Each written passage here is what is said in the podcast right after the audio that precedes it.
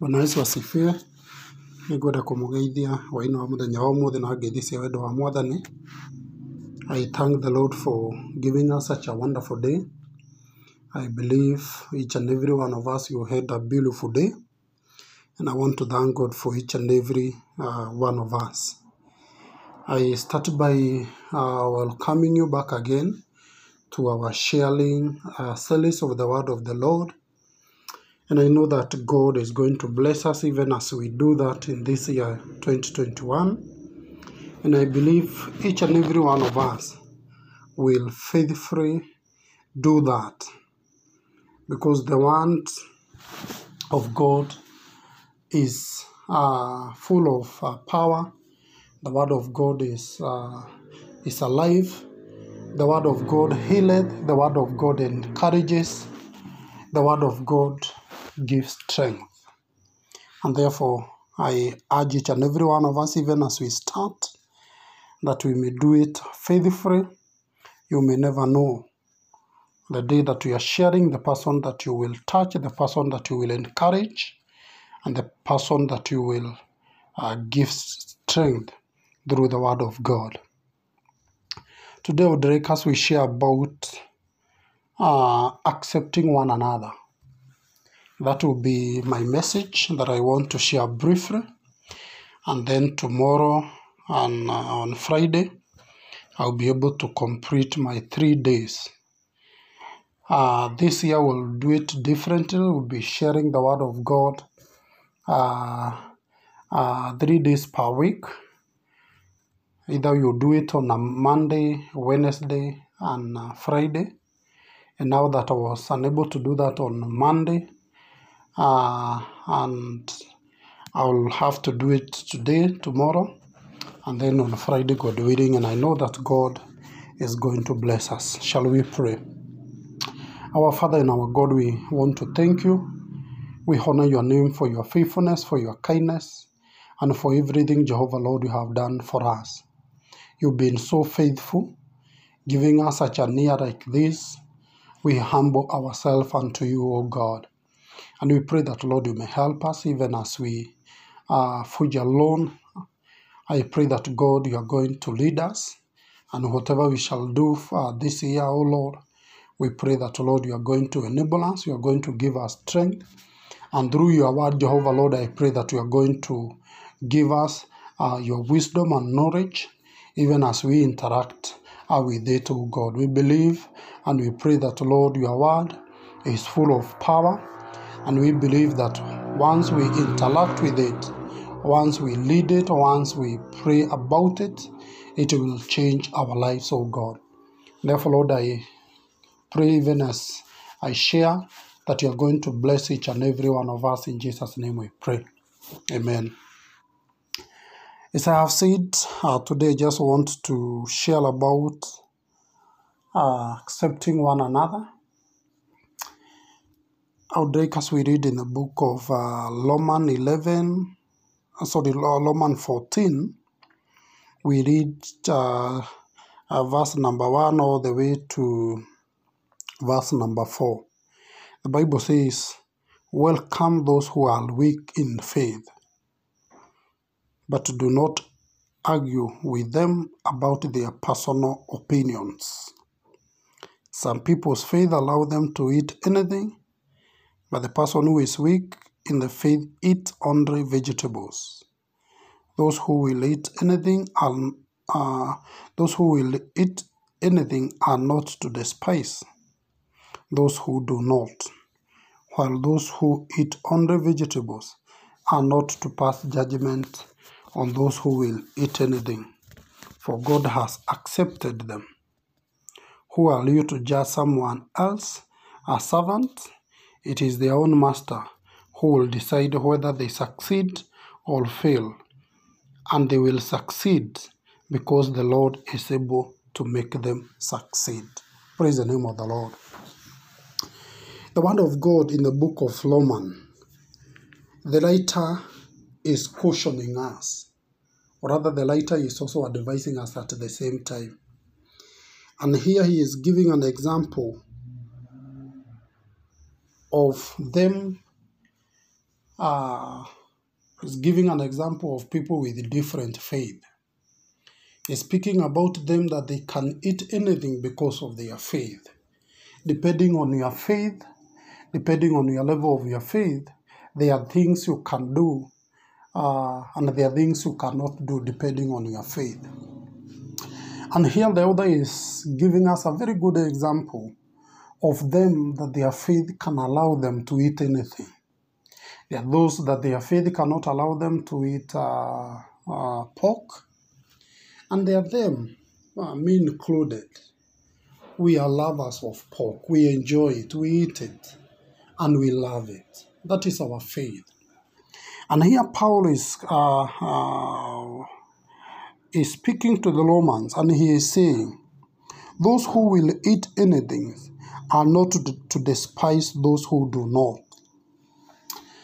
Paul here is trying to explain to us that them that their faith cannot allow them to eat some of the things, and them that their faith can allow to eat everything, are not to despise one another. In other words, Paul here is encouraging us, or rather, he is telling us we need to accept one another the way God constructed us. Praise the name of the Lord. There is a reason why you and I, you are the way you are, because that is how God constructed you. I am whom I am today. It is because that is how God constructed me, and He made me who I am today because He is God. And that's why Paul is saying that for God, and maybe we can read three. Uh, those who will eat anything are not to despise those who don't, while those eat only vegetables are not to pass judgment on those who will uh, eat uh, anything, for God has accepted them. Paul is encouraging people, regardless or despite of your faith, the little or more faith, God has accepted you the way you are. And therefore, I want to encourage all of us, even this group of Woke Kwaname group, that God is calling us, especially this year, that we really need to accept one another. If we need to excel, if we need to conquer the things, because we, we in our meeting we did, uh, we, we wrote down the, the calendar of the activities, and the, the, we highlighted the things we want to achieve this year.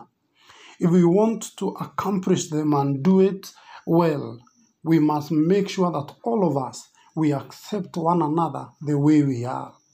Them that they are weak, we need to accept them. Them that they are strong, we need to accept them. Them that they talk less, we need to accept them. Them that they talk uh, more, we also need to accept them. Them that they contribute a lot, we need to accept them. Them that they contribute little, because of one way or another, we need to accept them. Because after doing that, the Bible is telling us them that they can only eat vegetable because of their faith, God has accepted them. And Paul is asking in verse 4 Who are you to judge someone else's servant? It is their own master who will decide whether they succeed or fail. Praise the name of the Lord. Look at that. That you cannot judge uh, another's person, uh, master, uh, a servant. It is the only their own master who will decide whether they will succeed or fail.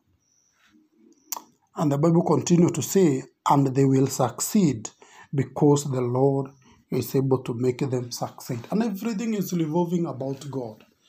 When you accept one another, it's all about God. And therefore, I, I want to encourage you, even as I conclude my sermon today, that the moment you accept one another, the moment you uh, take one another the way we are, remember there is one who make you succeed or who make you fail. And the Bible is telling us it is only the master. And here we are talking about our king, the master of master, the king of king, the one who is highly lifted up, the one who is supreme, the one who is uh, our God. And the Bible is telling us He make us succeed. And therefore, I want to encourage you this year. It is my prayer, even as we work together, even as we do whatever we do in our daily work, in our families, uh, with our brothers and our sisters, with our parent. May God help us that we'll, we'll sit down and accept one another the way we are. Them that we feel they are not good. Remember, in the eyes of God, we are all equal. In the eyes of God, He accepts all of us. And in the eyes of God, He make us succeed. He make us fail. Not that we are so good, not that we done anything to merit our success. No. It is Him who is our master that decide whether to succeed or whether to fail.